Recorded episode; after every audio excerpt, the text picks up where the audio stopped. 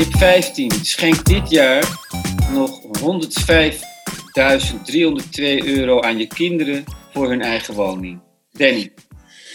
Ja, dit is uh, de bekende jubelton. Er is heel veel over te doen. Hè. We weten allemaal uh, dat de woningmarkt uh, zwaar oververhit is. Hè.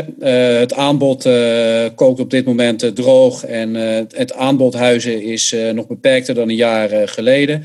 En een van de redenen die ze vaak noemen is de jubelton. Hè. Die schenkvrijstelling van ruim 100.000 euro.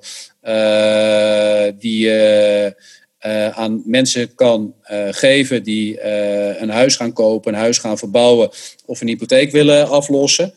Ehm, nou ja, vaak wordt dat geld natuurlijk geschonken door ouders aan hun kinderen.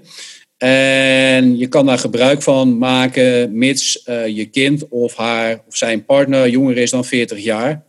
En de schenking wordt dan gebruikt voor de aankoop, verbetering of verbouwing van de eigen woning. En op het moment dat je die schenking doet, moet je, moeten de kinderen in ieder geval binnen drie jaar dat geld hebben gebruikt uh, voor de doeleinden die daarvoor staan. Dus de aankoop, verbetering of verbouwing van de eigen woning.